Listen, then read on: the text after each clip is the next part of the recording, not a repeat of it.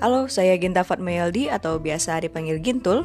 Selamat datang di podcast Gitu-Gitu Aja, sebuah podcast yang sebenarnya anfaedah, hanya sekedar podcast yang berisi obrolan dan juga diskusi semata tentang apa pun.